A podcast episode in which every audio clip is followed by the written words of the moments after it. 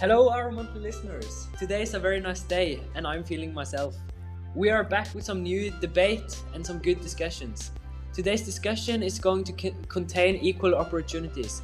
I'm very pleased to have these two experienced young adults here today. Welcome, Johannes. Hello, thanks for that. Uh, Johannes is a specialist when it comes to discrimination and equal rights. He's going to talk about the difference between white and black people when it comes to rights.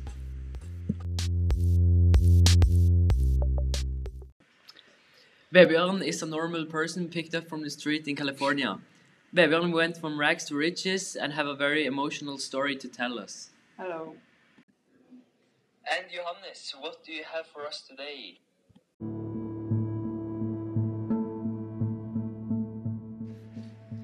Equal opportunities is a very important theme in America, and people have many different opinions about it. Many people means that the Afro Americans don't have the same opportunities as the whites, and that is of course a very worrying thing. People should not be treated differently because of their, their color. The black people have fought in a long time in America to get the same opportunities as the white people. It all started back in 1955 when Rosa Parks refused to give up her seat to a white man. She sat in a seat that was for the white people, and when a man asked for the seat, she just refused. The police took her, but it, it was wor worth it. She set an example for everyone else and, and showed that the segrega segregation is very wrong. Rosa Parks inspired a lot of people, including Martin Luther King Jr. He held speeches about discrimination and inspired people to join his boycott, this boycott. His mo most famous speech is I Have a Dream, where he talks about his dream, which is that white people and the black people uh, should have equal rights. This discussion continues to this day, and the, the problem is far from solved.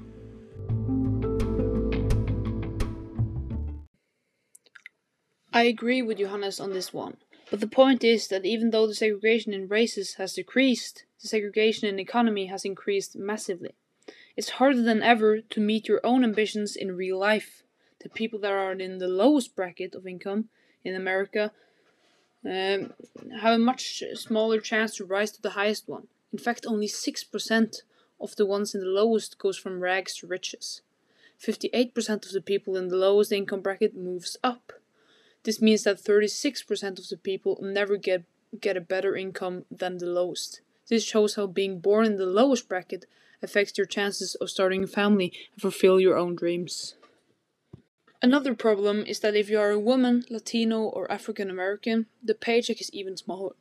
It makes it harder if you're unmarried because then you have to provide for your own family, which makes it much uh, more like challenging if you want to fulfill your dream of becoming a parent, you have to you have to work maybe two or three jobs to get enough money to start your fa own family. I think this is a big problem and it needs to be fixed. The USA is the fourth largest country in the world in land area. It also have a big population and a big business market. People are traveling to USA to achieve their dreams and build a business. Therefore, my question to you is who was the first people to settle in the USA and how has that impacted equal opportunities today? The first people in America was the Native Americans, also called Indians. They lived alone until the Europeans came and saw them as a, as a threat. The Europeans treated the Native Americans bad and they wanted to control everything. The next thing the Europeans did was that they traveled to Africa to get slaves. They, they took thousands of slaves back to, the America, back to America, where the poor slaves worked for free.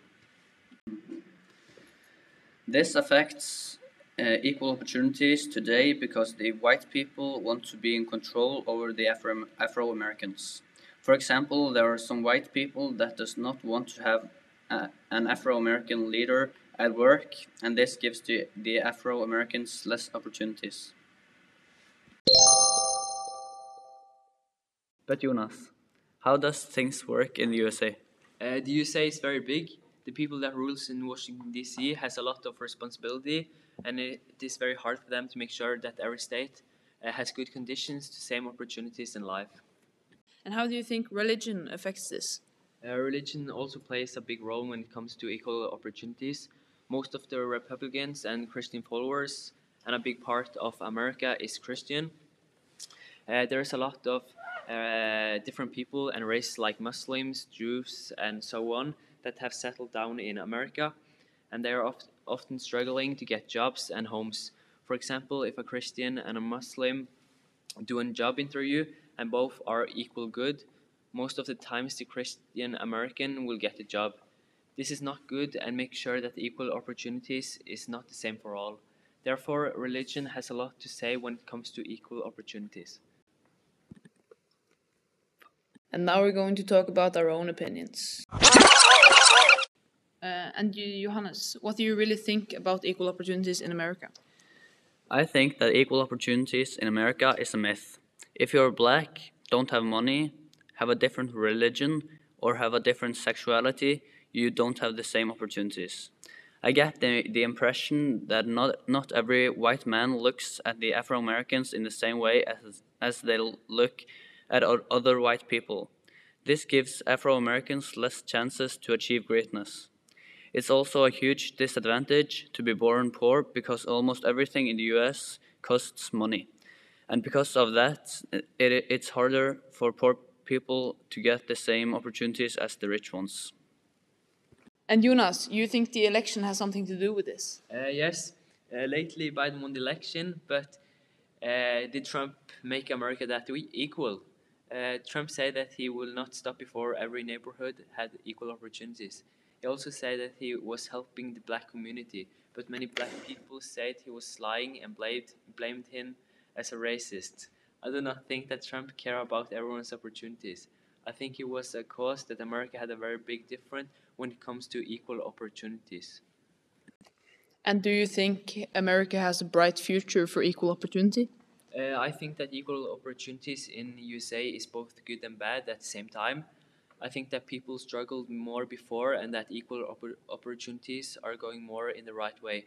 I don't mean that America is very good when it comes to equal opportunities, but as I said, it is beginning to look brighter and brighter, uh, and they have a new president with a lot of respect to everyone, and I hope that America is going to be equal to everyone and maybe one day they can call America the land of opportunities. I think equal opportunity in America today is only a myth. The reason I think this is because of the segregation between the poor and the rich kids, because the poor kids are getting crushed economically because of the studies loan when getting a high education is more important than ever. While the rich kids can pay off their loan and can get an education faster and without having a major debt at the end of their studies, We should get them a better job, and uh, they will uh, often succeed in life and often succeed the American dream. Um, and I think that if you're a woman from another religion than Christian and uh, uh, Afro American or Latino, you'll have uh, even a smaller chance to succeed and fulfill the American dream, which I think is just sad.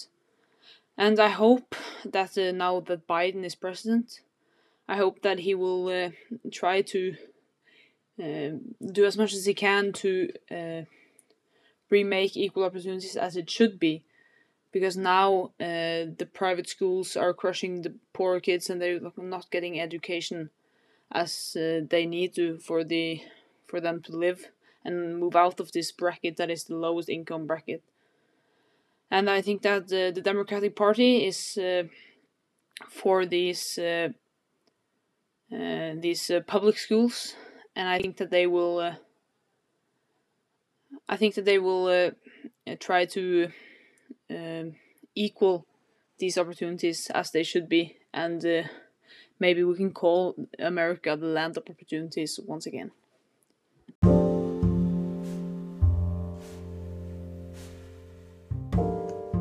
Uh, that was all we had for today, and thanks to Johannes and Vebjørn for uh, joining me here today. No problem. Thanks for having us. and I hope you to see you guys next week uh, when we are going to talk about women's rights. Bye.